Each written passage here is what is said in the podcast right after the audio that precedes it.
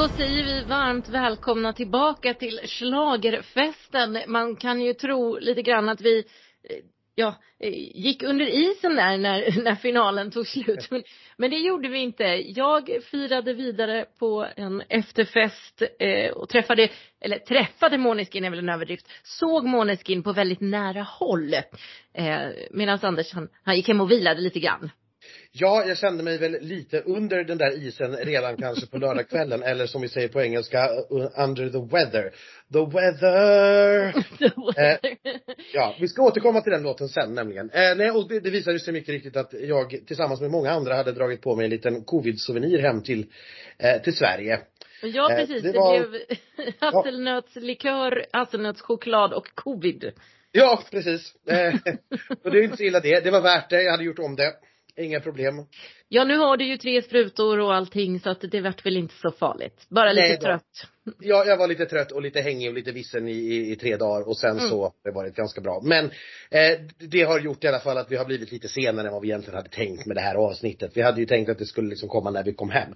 Men det har ju faktiskt hänt lite intressanta saker sen dess så det kanske var lika bra att vi Jag tänkte säga det. Ja. Det har ju hunnit dyka upp ännu fler grejer när vi inte hade så bråttom. Och vi är ju då Anders och Elaine som driver den här slagerfesten och vi var ju då alltså i Turin under Eurovision-veckan, ja till och med lite längre. Elva dagar lyckades jag vara i Turin, det var härligt.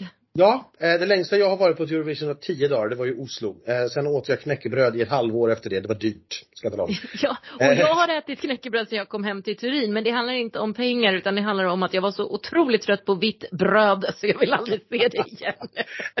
jag är lite färdig för charkbrickor för ett tag framöver, det ska jag säga. Men i övrigt så, eh, pasta har jag hunnit äta redan. Ja, jag med faktiskt. Jag kände mig lite löjlig. ja, nej men eh, som, som ni alla vet, eh, Ukraina vann. Eh, och den stora frågan som ju då ställdes redan på natten är ju såklart, vem kommer att arrangera Eurovision Song Contest 2023? Det har vi väl dock inte hunnit få något svar på va? Nej, och det kommer nog att dröja tror jag också. Eh, på frågan som de fick på presskonferensen såklart så eh, hoppades ju Kalush Orchestra själva mm. att Eh, Ukraina skulle vara fritt och redo och uppbyggt eh, för mm. att arrangera Eurovision Song Contest nästa år. Eh, även president Zelensky sa det i ett uttalande på natten att nästa år hoppas vi kunna arrangera det här i Ukraina.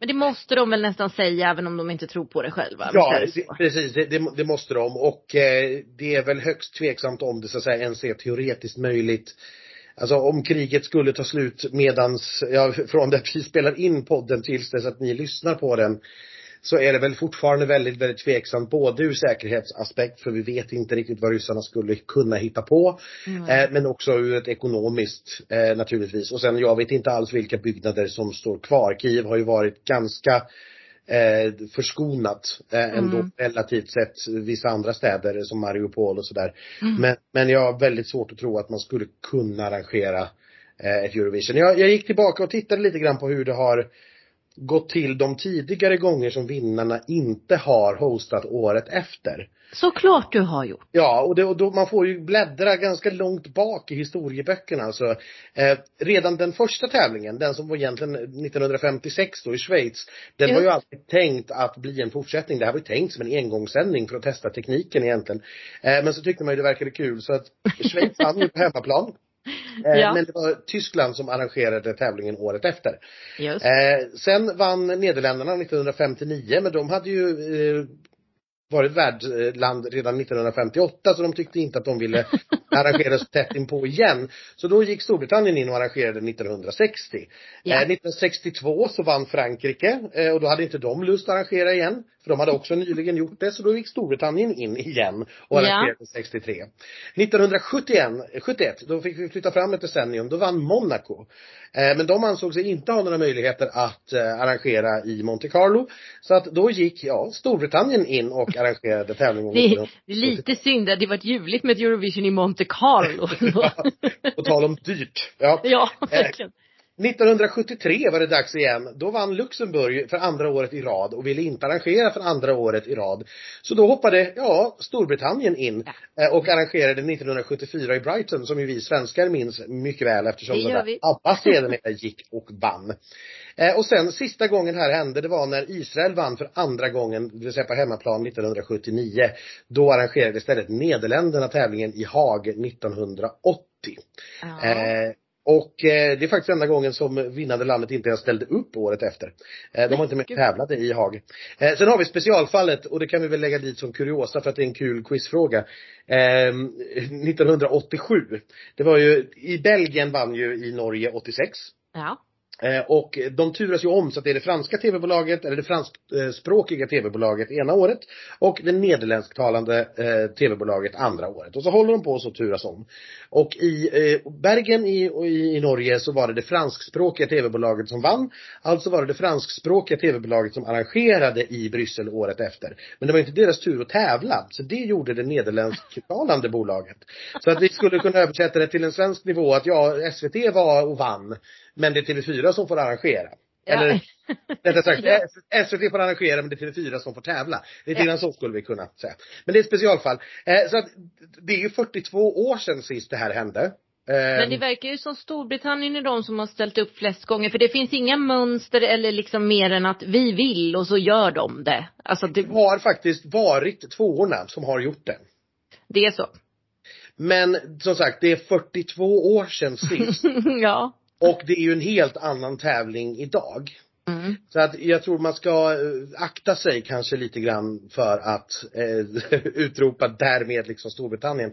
Eh, det som har hänt är, jag har försökt att, att googla runt lite grann. Eh, RTVE i Spanien ja. har officiellt sagt att man erbjuder sig att ta hand om tävlingen. Ja.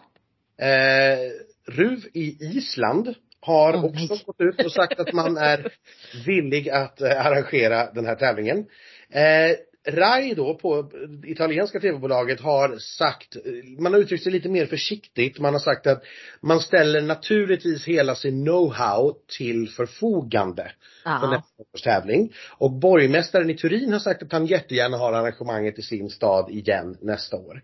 Mm. Eh, mm. Polska TVP har uttryckt ett litet försiktigt intresse, också väldigt diplomatiskt, att eh, i sin fulla kraft assistera Ukraina. Okej. Okay.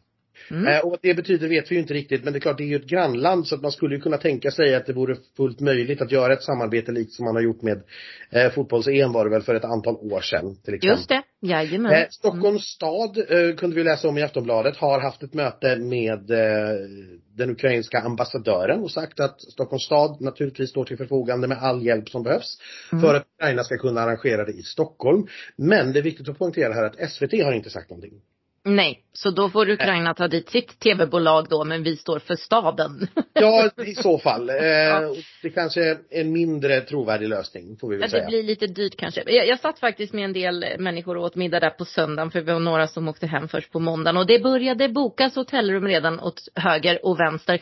Men det var ju framförallt Stockholm och eh, Storbritannien som bokades där. Eh, ja. Så att Storbritannien men jag tänker så här, de har ju längtat och längtat.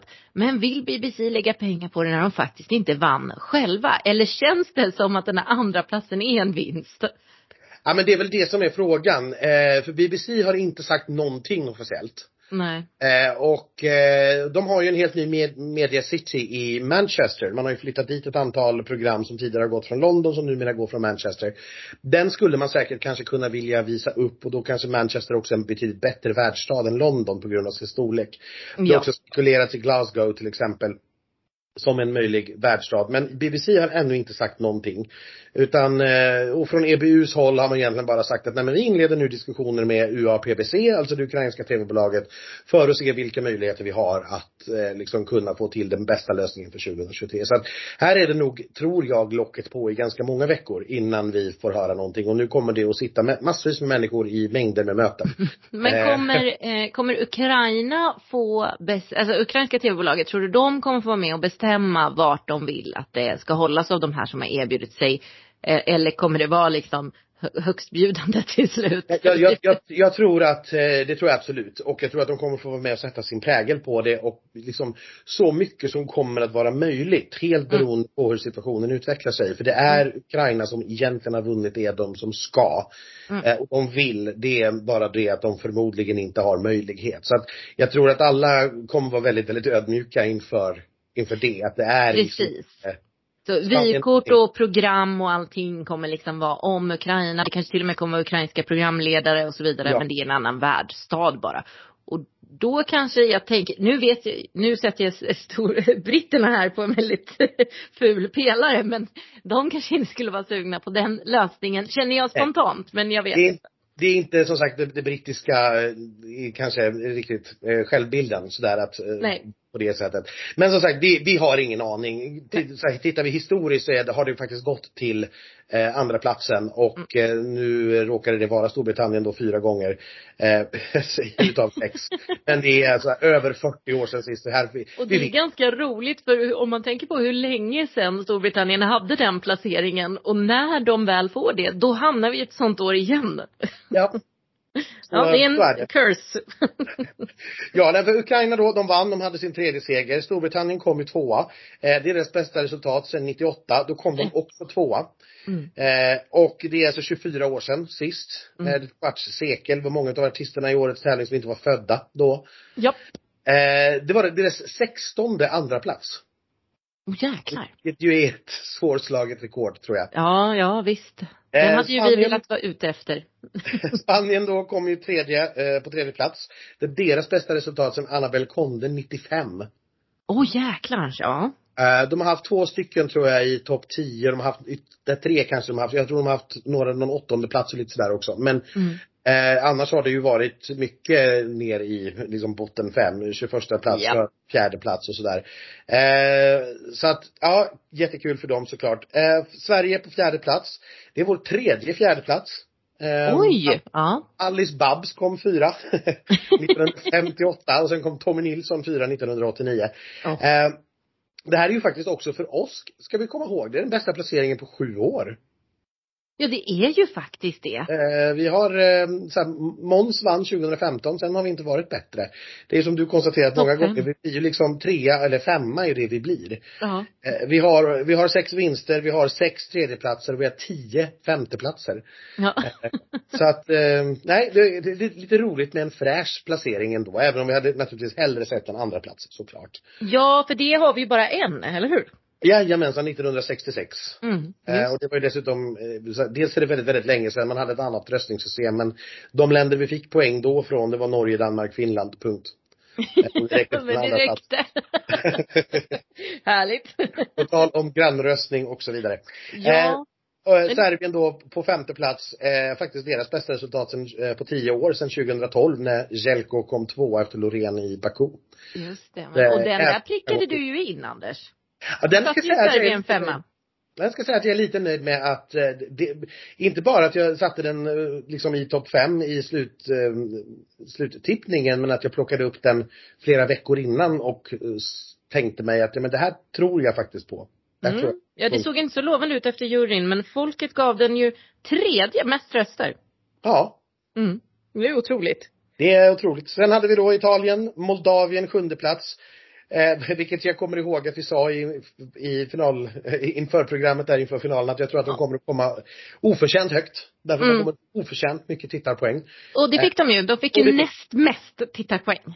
Ja, och det hade de ju inte fått med en annan placering i startfältet. Det är jag ju beredd att äta Nej, för det tänkte jag ju säga. För jag har sett väldigt mycket sådana här roliga memes heter det, memes? Ja. Memes, ja. Eh, bilder eh, på internet som handlar just om så här, efter sju ballader, här kommer Moldavien, varsågod, boom liksom. Den ja. låg så jäkla, Norge skulle ju haft den platsen.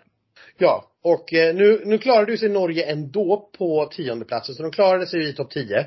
Mm. Eh, men som sagt, hade Norge fått Moldaviens start, eh, startnummer så hade vi nog haft Norge, kanske inte i topp 5 men några, några placeringar upp. Det hade vi absolut haft. Ja, sagt. jag tror också det.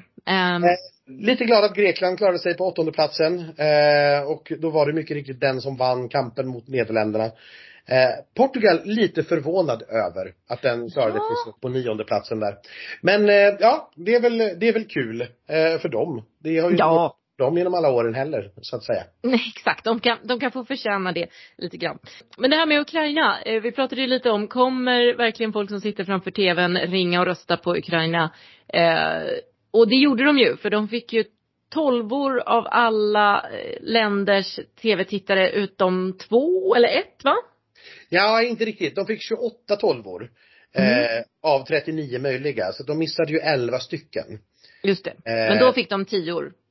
Jag vet inte varför Ja, jag sa elvor helt plötsligt. Eh, Den, lägsta de fick var från Serbien, de fick en sjua. Ja. Eh, men de fick ju poäng från alla och som sämst sju poäng då. Mm. Eh, och eh, det, det är alltså, de var 29 poäng ifrån den absoluta maxpoängen i televoten. Det är en fullständig kross. Eh, Mm. som i, naturligtvis ett nytt rekord för televote, naturligtvis. Och jag tror inte att någon kommer att slå det. Eh, Nej, fyra- det tror inte 10 jag. poäng tror jag inte går att slå. Det skulle vara om det helt plötsligt blir väldigt många fler länder som är med till exempel så att det liksom Mm. blir fler poäng i omlopp. Ehm, och, och jag, jag tycker att det är viktigt att ha sagt här nu för jag har sett att en del, eh, framförallt eh, sura britter och eh, spanjorer Mm. Eh, men även svenskar och andra som jag är bekanta med i sociala medier Ja. Går in på att ja, det var en politisk seger eller ja, jag trodde det var en opolitisk tävling eller att det är en sympatiseger. Mm. Och jag, jag tror inte att det är så enkelt. Jag, jag tror att, alltså musik handlar om känslor. Mm. Det är det det handlar om. Och när du ser någonting på tv som gör att du känner någonting. Någonting berör dig på ett sätt eller annat. Då kommer du att rösta på det. Mm. Eh, och en del blev berörda och gick igång på Moldavien. ja, tydligen. Men fler än några, någon annan låt någonsin så har människor reagerat känslomässigt på att se Ukraina. Och jag tycker inte att det är konstigt. Man ser dem trots, trots den eh, svarta regnbågen i mitten. Ja. Eh, de sorgsna ögonen. Man ser liksom moder Ukrainas händer Mm. utsträckta på scenen. Som håller och liksom bär sina egna medborgare. Det är ett otroligt kraftfullt budskap. Ja. Som jag, jag tog till mig det direkt så fort jag såg numret liksom på riktigt i, eh, på repet till semifinalen. Mm. Så ramlade ju min polett ner att ja men det är klart att det här vinner, det går inte att stoppa detta. Och det är inte av sympati, det är inte av någon sorts politik. Vi har inte suttit hemma och markerat mot Ryssland. Det är inte Nej. det vi har gjort. Vi har känt någonting och då menar jag alla vi i 39 länder som har tittat Mm. och röstat. Eh, när vi har sett Ukraina. Det är det som har hänt. Sen är kan det klart att man känner mer på grund av vad de går igenom. Självklart, för de hade inte Mm. vunnit utan kriget. Det, jag, jag säger ingenting annat, men nu var det, nu är, nu är ju kriget där och då kände vi det här.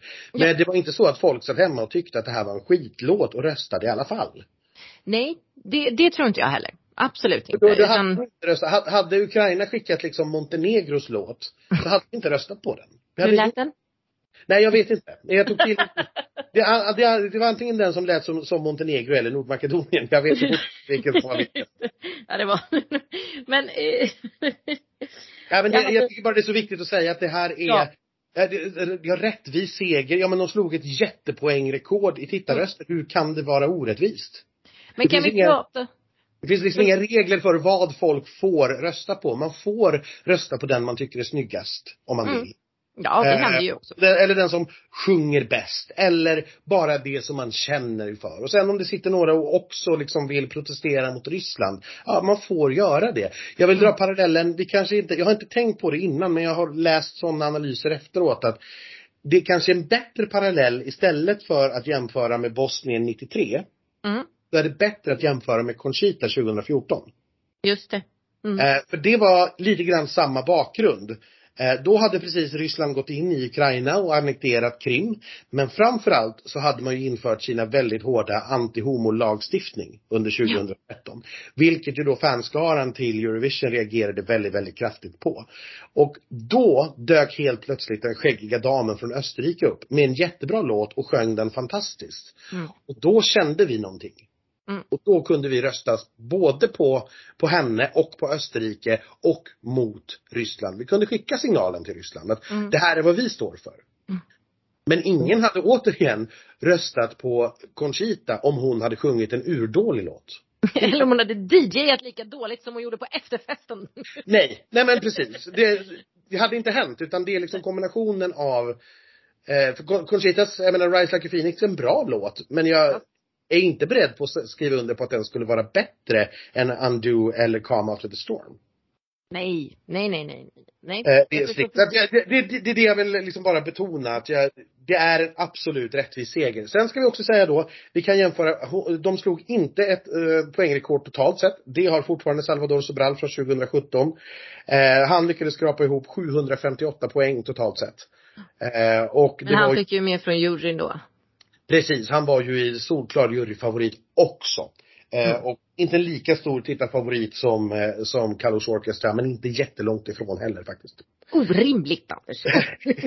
ja men samma sak där. Man kände någonting när man såg. Man trodde på det. Eh, ja. och vi kan Jamala 2016 i Globen också. Det är ju mm. det är helt obegripligt att en sån låt egentligen kan komma tvåa i en tittaromröstning. Men hon förmedlade någonting. Folk mm. kände någonting när de såg det. Ja, ja det är uppenbart. Ja. Ehm, det här med, med juryn då. Jag, jag har noterat att eh, svenska juryn eh, nollade Ukraina. Mm. Det är ju lite intressant. ja, och, och det, det, är det. Eh, De röstade men... ganska konstigt jämfört med ja. i alla fall hur, hur svenska folket röstade och även mot många andra jurygrupper. Ja, precis. Jag, jag, jag skulle vilja eh, jag vet inte riktigt var vi ska börja, för att jag har många synpunkter på den svenska juryn. Vi ska börja till, till att börja med att säga Micke Cederberg var ordförande.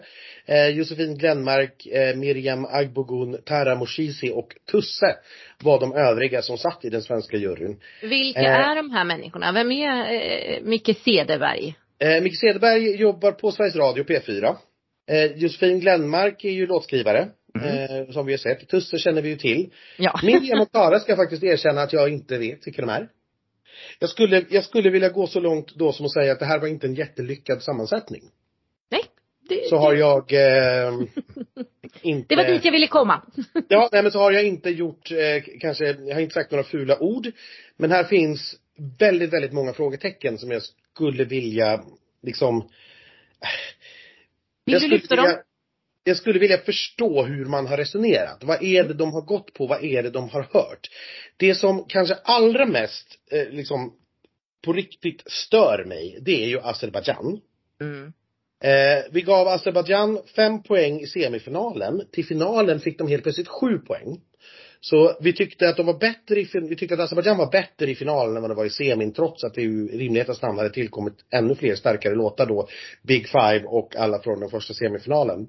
Mm. Men han eh, kanske blev bättre, han kanske gjorde en formökning, vad vet jag? Ja, så, så kan det ju vara. Eh, vi vet inte vilken jurymedlem som gav vilken siffra.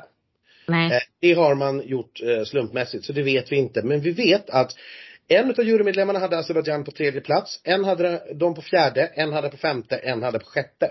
Och sen var det ytterligare en då som hade Azerbajdzjan på tjugonde plats. Ja, det var ju en rimlig person. Ja, men, men fyra av fem tyckte alltså att Azerbajdzjan var i topp 6. Eh, och det, det, handlar inte om att man inte får ha avvikande uppfattning, för det får man. Vi ska komma ihåg att Azerbajdzjan var alltså sist i den svenska telefonröstningen i finalen. Av 24 länder som mm. vi fick rösta på så hade vi Azerbajdzjan på 24 plats. Ja. Eh, och där tyckte då fyra av fem jurymedlemmar att det var absoluta toppen. Eh, det här var ju också landet som lyckades ta sig till final utan ett enda televotpoäng i semifinalen. Just det. Noll i den kolumnen. Och då måste vi också gå backa lite så här. I semifinalen, det är 18 länder. Ja. Eh, det innebär att det är 17 stycken som kan rösta på Azerbajdzjan. Ja. Så har dessutom tre från Big Five. Så det är 20 länder som röstar på de här 18 länderna. Inte i ett enda land lyckades Azerbajdzjan ta sig in i topp 10 av 18. Nej, det, det, det. Och den tyckte den svenska juryn var den fjärde bästa i finalen. Mm. Och då måste man fråga sig, när det är den sortens diskrepanser så måste man, vad, vad är det ni har hört? Som ingen i hela Europa har hört. För de är inte ensamma ska sägas, det är ju fler jurygrupper, de tog sig ju till final Ja. Bara på jurypoäng då. Men vad Mm. är det ni har hört? För att i finalen, ja de fick tre televote-poäng, det var tre poäng från Georgien. I Ja. övrigt det liksom samma sak där. Grannlandet Georgien, tre poäng. Det kanske, så här, om jag ska vara sån, då kanske lite köpta kontantkort involverade, jag vet inte. Ja, hur, som nej. helst, hur som helst ett grannland. Bortsett från det så är de liksom inte i topp 10 i något land. Men den Nej. svenska juryn tyckte att det var den fjärde bästa. Och jag kan Ja. liksom inte, jag kan inte ta in detta för att den svenska juryn vi gav ju Spanien 12 poäng for fuck's sake. Ja. Om jag får uttrycka mig så. Men då tänker jag så här, Anders Wrethov har skrivit den här låten va? Ja, och det var ju, det är ju där skon klämmer lite för mig. Det är det som Ja. gör det här att det svider lite. För jag tror absolut att det har haft en påverkan. Vi har haft Wrethov och Andreas Stone eh, Johansson som har skrivit den här Mm. låten. Jag tror att det har påverkat. Tittar vi på hur Sverige och den svenska juryn röstade i semifinalen så ser vi också att sju poäng gav vi till Malta. Den andra svenskskrivna låten i startfältet. Just Och Malta, man kan ju tycka vad man vill om låten såklart, men att den skulle varit liksom Tredje bäst. Ja, vi- fjärde bäst Ja, i den fjärde finalen när hon ju knappt kunde sjunga. Ja, nej. Det, nej, det här, det här blev inte bra. Eh, och Nej. jag eh, skäms lite faktiskt Mm. som svensk för de här rösterna. Mm. Ehm, ja, jag vet inte. Mm. Sen, Mm. sen, sen jag, jag, vi kan ta sådär, eftersom jag nu då inte vet vem det är. Nej. Men, men eh, en person i den svenska juryn hade alltså Spanien allra sist i finalen. Ursäkta? På 24 plats tyckte man att där är Spanien.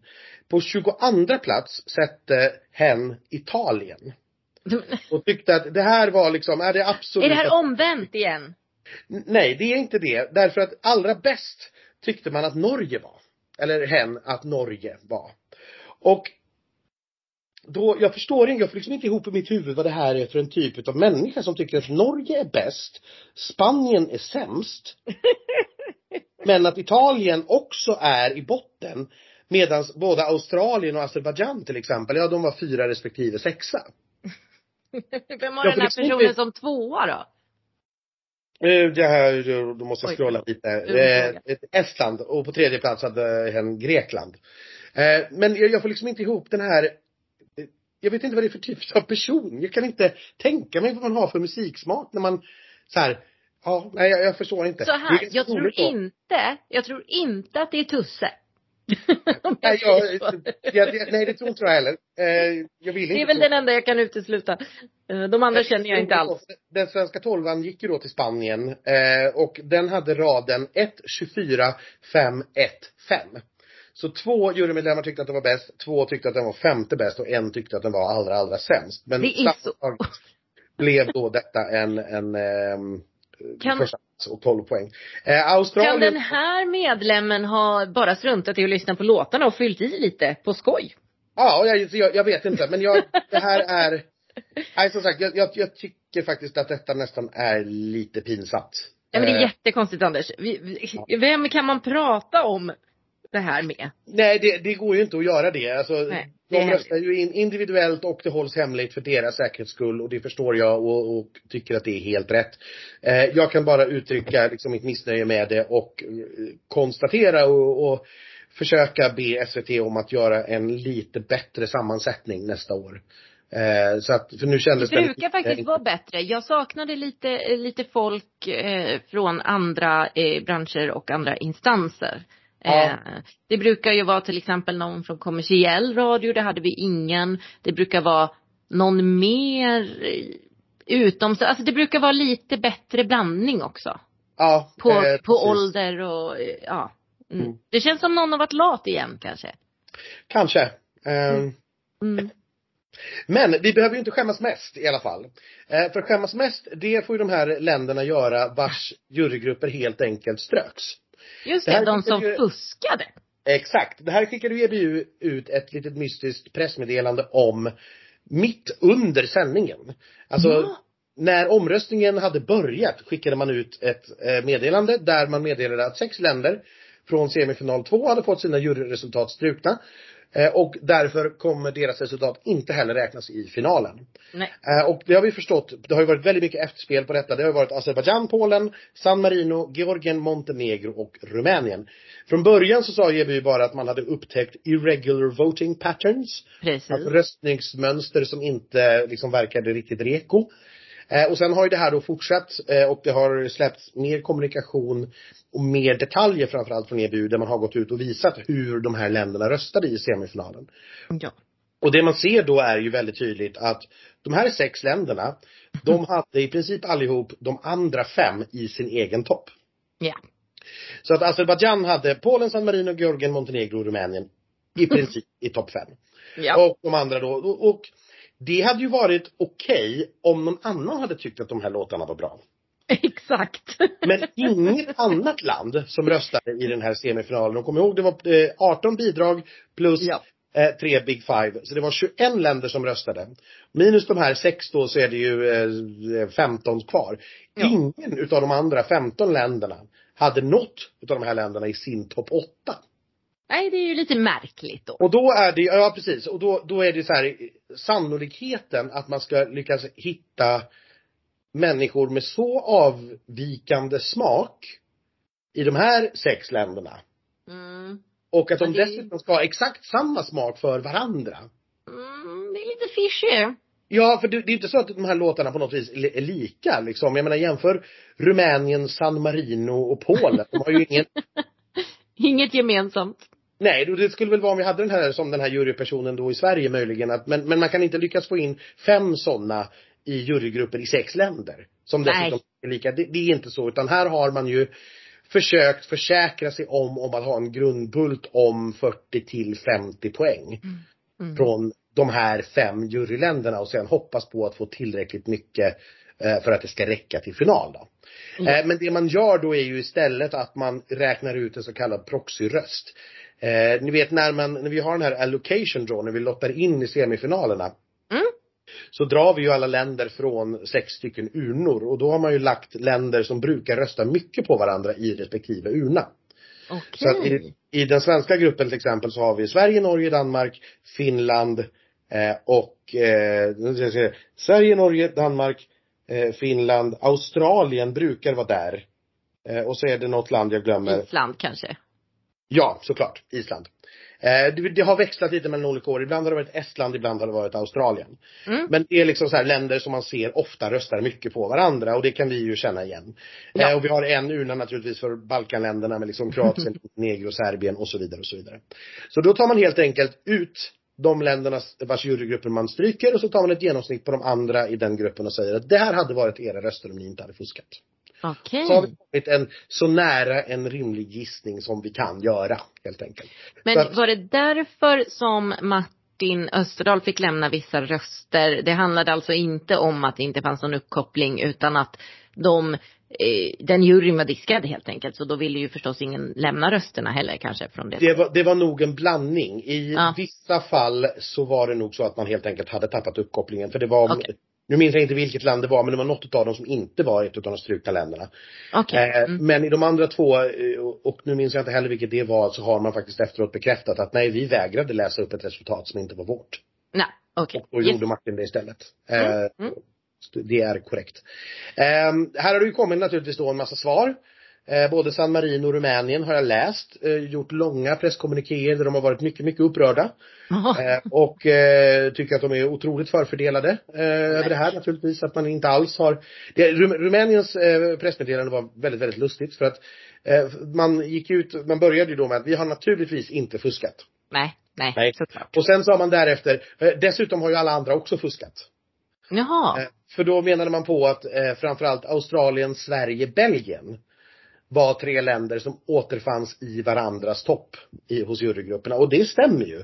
Australien hade Sverige och Belgien i sin topp. Sverige hade Australien och Belgien i sin topp, hur konstigt det än låter. Ja, exakt. Det Eh, där med det hade Belgien. man. Ja. Skillnaden är ju bara att det hade ju de andra länderna också. ja, precis. Det, det är ju det som är skillnaden här. Att, Mm, mm. eh, som San Marino, Georgien, Montenegro, ingen hade ju dem i sin topp. Förutom de här länderna. eh, så. Och, och därefter så säger Rumänien att ja, så att, ja, först och främst, vi fuskade inte. Eh, men det gjorde alla andra också. Och sen säger man att, men om ni hade bara kunnat berätta det här för oss direkt efter genrepet på onsdagen så hade vi kunnat vidta åtgärder mot det här fusket som de då alltså inte har gjort. Eh, alltså. så att det är en mycket, mycket märklig sörja. Eh, och där de hotar naturligtvis att dra sig ur nästa år och att de inte kan ställa upp med det här. Och, och ja, på den här sortens villkor, jada jada. Ja, ja, ja. Eh, och, och det är väl sånt man säger nu när man är upprörd mitt uppe i alltihop. Vi får väl ge det några veckor och se om det kanske coolar ner sig. Och vill de inte vara med mer så eh, gör inte det mig någonting. Vi har ingen plats för fuskare, tycker jag i alla fall. Nej, vi trodde ju ändå det skulle bli bättre nu när den här Kirkorov inte var inblandad i år, men det Ja. var det inte. Nej, då hittade de andra sätt. Eh, helt enkelt. Men jag tänkte på en sak. Nej, fortsätt du med ditt utlägg först. Nej, jag vet inte. Jag tror, jag tror kanske att jag, jag var klar där egentligen. Jag, det här är ju, det är naturligtvis synd att det är så här, men det är också Mm. väldigt, väldigt bra att det upptäcks. Mm. Eh, vi vet ju att det fuskades förra året också, men då var det nog med, det var med länder som ändå hamnade tillräckligt högt. Så man kunde inte liksom så bergsäkert som man kunde göra nu säga att det här beror på fusk. Eh, Men det var ju Bulgarien, Malta och vilket mer land det nu var som så otroligt tydligt utbytte liksom 12 och 10 år med varandra. Mm, mm. Eh, och det är naturligtvis jättebra att det upptäcks, det är jättebra att de här stryks, att sex länder i semifinalen av 18, det är en tredjedel, Ja. är ju, Men det är ju skrämmande. mm, Ja. det är det. Och det är jättetråkigt men jag hoppas att, jag hoppas att eh, som sagt man får bukt med det där med att att fler länder förstår att det, det, det, går inte, det går inte att komma runt det här. Man kommer upptäcka det och ni kommer att få det strukna och ni kommer inte ens få veta att era röster blir strukna förrän det är för sent. Nej, och det, det tycker jag var snyggt gjort av EBU, att de inte skickade ut det förrän eh, det var pågående liksom. Det var, det var snyggt. Men det jag ville komma till, eh, det var någonting som jag missade under sändningen, eh, förmodligen på eh, att det satt italienska kommentatorer och pratade jättehögt. Men när Dotter lämnade sina röster så avslöjade ju hon att hon var gravid. Ja, och det missade ju jag också. Men jag såg det på Instagram eh, direkt därefter. Precis, en samma här. A little tot på väg. Eh, ja. Det är väl härligt. Ja, jag gillade också när jag tittade på den svenska sändningen sen Edvard Abstiléns reaktion. Oj. Den var fantastisk. Jag tror att Dino är gladare över det än eh, vad han hade varit över en finalplats för Malta, så kan vi väl säga. Det tror jag också. Men stort grattis förstås till Johanna och Dino. Självklart, alltid. Mm. Stora Ja, favoriter. det, var- det var, det var bara så dumt. En Att vi sak missade jag ville säga om de här Ja. Ja. För det innebär ju också då att vi har sex stycken länder som har lämnat proxyröster i finalen. Och eftersom det var så pass tight bakom Ukraina som det var. Mm. Eh, det här har ju både spanjorer och britter bråkat om såklart. såklart att ja, om de inte hade fuskat, hur hade det sett ut då? Ja. Eh, för det var väl bara, var det sju poäng det skilde mellan Storbritannien och Spanien? Det är mycket möjligt. Jag minns inte det i huvudet. Det är du som är sifferkillen här. Ja, jag ska ta fram detta nu med en gång. Eh, Medan vi pratar. Eh, ja, sju poäng skilde det mellan Storbritannien och Spanien och sen var det ju ytterligare då 21 poäng ner till Sverige. Just. Så att de här sex ländernas röster hade ju utan problem kunnat ändra om eh, ordningen för tvåan, trean, fyran. Eh, Mm. beroende på hur de hade utfallit då. Eh, såklart. Och ehm, Ja, men då landar man ju in det här, ja om det inte hade varit krig och om de här länderna inte hade fuskat. Och då säger jag, ja men nu gjorde de ju det. Och det är Ja, men-. Och Så sen, vilket- ja, inte för att vara sån, men när det handlar om andra, tredje, fjärde plats. eh, Spelar det någon roll då? Om man hamnar på en andra eller en tredje plats, är det, är det jätteviktigt? nej, jag tror att det är Man vann för, inte och det hade man inte gjort. Nej, och det hade, precis, det hade man inte gjort i alla fall. Jag tror att det möjligen skulle kunna vara viktigt för spanska fans som jättegärna skulle se ett Eurovision i Valencia eller Benidorm eller Madrid. Mm. Eh, att få vara tvåa. Eh, men som sagt, vi, nu är det det här resultatet vi har och det är det som kommer att skrivas in i historieböckerna och det är det som gäller. Det blir jättebra. Ja, precis så, så känner jag också. För därefter, efter Cornelia sen på fjärde platsen var det ju ett jättehopp. Det var ju över 120 poäng ner till Constracta på, Ja. eh, på femte platsen. Så där var det ju ett ganska stort hopp då. Mm. Eh, ska också nämna tror jag, eh, Marcel Besançon Award. Just det. Om, eh, det är ju Christer Björkman och Rickard Herrey som instiftade det 2002. Ja, spännande. Eh, till minne av Marcel Besançon som var han som kom på idén med Eurovision egentligen 1955. Just och så. till honom då så delas det ut pressens pris, artisternas pris och kompositörernas pris. Och vilka tar fram det? Är det då artisterna som deltar som röstar för artisternas pris? Precis. Och pressen som röstar för pressens pris och låtskrivarna? Ja, mm, mm. Ja, exakt så. Och eh, det var presspriset i år gick till Storbritannien. just. Eh, för Spaceman. Eh, och det är första gången Storbritannien har vunnit Marcel Besançon Award. Men stort grattis. Roligt för dem såklart. Jaha. Eh, artisternas pris gick till Constracta för Serbien. Det är kul. Det är kul. Det är faktiskt jätte, jätteroligt. Och Ja. Kompositörernas pris gick till Cornelia Jacobs, David Sandén och Isa Molin. Just det, också Ja. väldigt stort. Då är man ju ändå hyllad av andra skapare. Ja men man är hyllad av sina kollegor. Det här är ju ett väldigt Ja. fint pris. Ja. Eh, så att jag tycker att, eh, roligt att Cornelia eh, fick med sig det priset hem i alla fall. Det tycker jag också. Och hon har ju också redan sedan innan fått det här OGAE-priset. Eh, såklart. Eh, det ska vi inte glömma, det var vi ju med när hon fick ta emot. Precis, när fanklubbarna eh, hade röstat klart att hon var eh, fansens favoritlåt i år. Nej Mm. men, eh, vi, om vi ska stänga ihop det här nu, jag, jag tycker att det var, det var en av de bättre vinnarna vi har haft på mycket, mycket länge eh, från Mm. Melodifestivalen och jag hoppas att eh, Karin och hela redaktionen tar med sig det in i arbetet inför nästa år. Men också skivbolagen och låtskrivarna Mm. eh, drar slutsatsen i att det här personliga, det lite råare, lite ruffigare, Mm.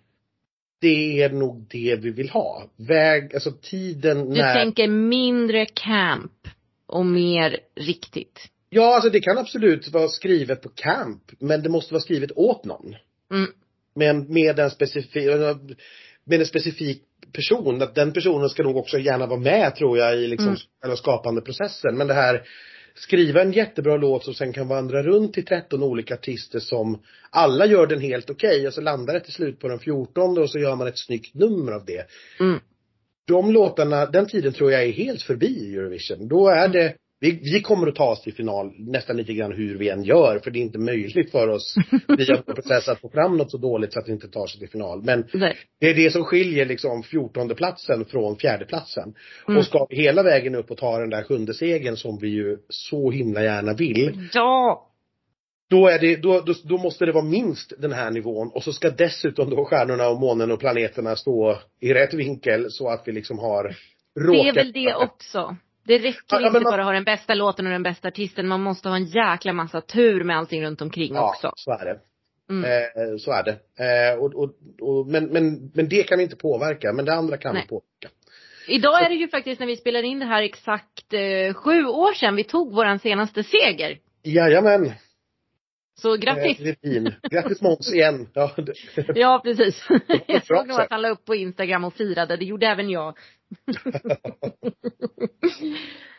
Men Ja, vad tror du idag? Vad tror du nu då, Anders? Om du, eftersom vi gillar att tippa. Ja. Om du ska tippa på eh, en destination för Eurovision 2023. Det behöver inte vara en stad, det räcker med ett land i det här läget känner jag. jag, jag tycker nog ändå att det, det låter, alltså med reservation då för att, ja men tar kriget slut den här veckan. Ja, Så absolut. ändras ju spelplanen såklart. Men, Ja, men det väldigt, tar vi bort.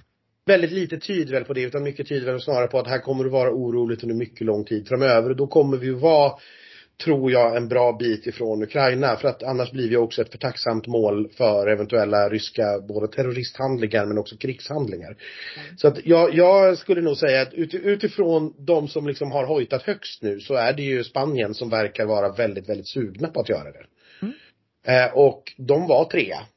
Sju Mm. poäng bakom tvåan. Så att jag tycker att väldigt, väldigt mycket pekar väl på det. Om de vill eh, och är sugna och har jättemycket medgång just nu efter succén med deras Benidorm-fest. Gud, ja. Eh, tredje plats, jag vet inte om ni har sett de här klippen från Chanel när hon kom hem till Madrid. Alltså gatorna var ju kantade med tiotusentals människor. För Vad en tredje himla roligt. Ja men det var ju som att de hade tagit liksom fotbolls-VM-guld. ja. Eh, och jag tror att det är någonting som man nog kanske vill bygga på. Plus att det är ett Big Five-land. Mm. Eh, då, Ja, och de har inte heller arrangerat det sedan 69 var det väl sist, så att det var ett tag sedan. Eh, så att just nu skulle jag säga att det lutar nog åt Spanien, men ja, det ska flyta mycket vatten under de broarna så att det är verkligen mycket, mycket osäkert tips. Ja, men det, det är roligt att du säger det för att det skulle vara mitt tips också. Jag hade tänkt att säga, jag trodde nästan du skulle säga Storbritannien så jag bara, men jag kommer säga Spanien. Men då så, då säger vi båda Spanien då. Nej men för jag, jag vet ju, det är, det är dyrt att göra det här. Mm. Eh, och då är, som sagt, ja. Nej, BBC känns lite för snobbiga för det där. Ja, nej, men det, det är liksom så här, de gör det ju om de vinner såklart. Men Mm, ja, ja. undrar om de vill ta på sig det frivilligt. Och det är lite så jag känner med SVT också. Jag Mm. tror inte att SVT är ett dugg intresserade av att lägga ut de pengarna på en sändning när man inte vann. Det, jag, jag tror inte man är det. Eh, för man får ingen extra för det bara för att Ukraina är i krig. Liksom. Vi, SVT får inte del av någon biståndsbudget eller så, utan man har ju samma budgetram i alla fall. Mm, mm. Eh, så att ja, är det, ja, nej, men då är vi eniga kring det. Heta, hetaste tipset just nu är Spanien. Det låter i och för sig ljuvligt. Ja, och sen får vi då se vart de lägger det. Om det blir i Madrid eller om de lägger det kanske i Valencia eller i, i Roligare med en mindre stad. Även om jag älskar Madrid så roligare med en mindre stad. Ja, förutsatt att den är tillräckligt stor så man får plats. Eh, Ja men Turin gick ju bra. Den storleken låter bra.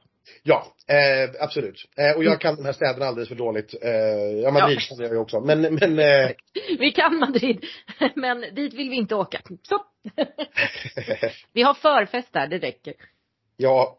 Nej men eh, med, med det då, då, då stänger vi väl kapitlet liksom Mello och Eurovision-säsongen 2022 och börjar blicka framåt 2023 istället. Eh, och nu, vi vet ju redan eh, Melodifestivalens turnéplan. Den blir inte Ja. spännande. Nej, den är inte alls spännande för en gångs skull. Det är lite Nej. tråkigt. Ja, det är lite trist är det, men den har vi. Eh, och sen så kommer väl som sagt, det börjar spekuleras någon gång fram i oktober på namn och såna här grejer. Och jag tänker att vi gör väl som vi gjorde förra året då, att ja men vi, vi pratar väl då. Ja, och finns det något att säga innan det så dyker vi upp. Så, så funkar det ju. Ja. Och jag, jag har väldigt svårt att tro att det skulle hända något som är så intressant, men, men eh, gör det, Nej, det det- så pratar vi om det. Jag Det lovar. tror inte jag heller. Eh, och på våra sociala medier lägger jag förstås upp eh, lite då och då om man ser någonting spännande från någon som kan vara intressant inom vår genre så att säga. Precis. Men nu ser vi fram emot en sommar där jag hoppas att vi får se ganska många melloartister live på olika ställen. Det kommer vi göra, i alla fall jag. Eh, Ja. Jag vill passa på att säga grattis till eh, våran upptäckt höll jag på att säga, men Benjamin Ingrosso hittade ju vi eh, tidigt. Och nu har han blivit årets artist på Grammisgalan och det är stort. Det är riktigt stort. Det är stort ja. Grabben från kanal 5 liksom. Exakt, så vi skickar ett stort grattis till honom. Tycker jag. Ja, det är alltid kul, ja, men det är alltid kul när, när, när Melodifestivalen föder artister som håller på riktigt. Som inte Mm. liksom blir eh, dagsländor eller som får en hit och så glöms bort. Utan att de faktiskt på riktigt eh, lyckas etablera sig. Det har ju verkligen Benjamin gjort. Eh, Mm. Det är alltid kul. Men då sa Elaine, då, vi kanske hörs innan oktober i och för sig. Men eh, Det, inte det skulle jag tro. Ja, jag skulle bli förvånad om vi inte hörs innan det. Men eh, vi andra, gissa, gissningsvis framåt oktober helt enkelt. Så får ni ha en fantastisk sommar tills dess. Ja, och tack så jätte- jättemycket för att ni vill följa med oss eh, på våran resa och för att ni är intresserade av det vi har att säga. Ja, man är lika förvånad varje gång man träffar någon som faktiskt har lyssnat på vad man har sagt. Ja, vi har träffat Ja. så många härliga eh, lyssnare under den här resan i år. Det har varit otroligt härligt. Det är faktiskt jätte, jättekul.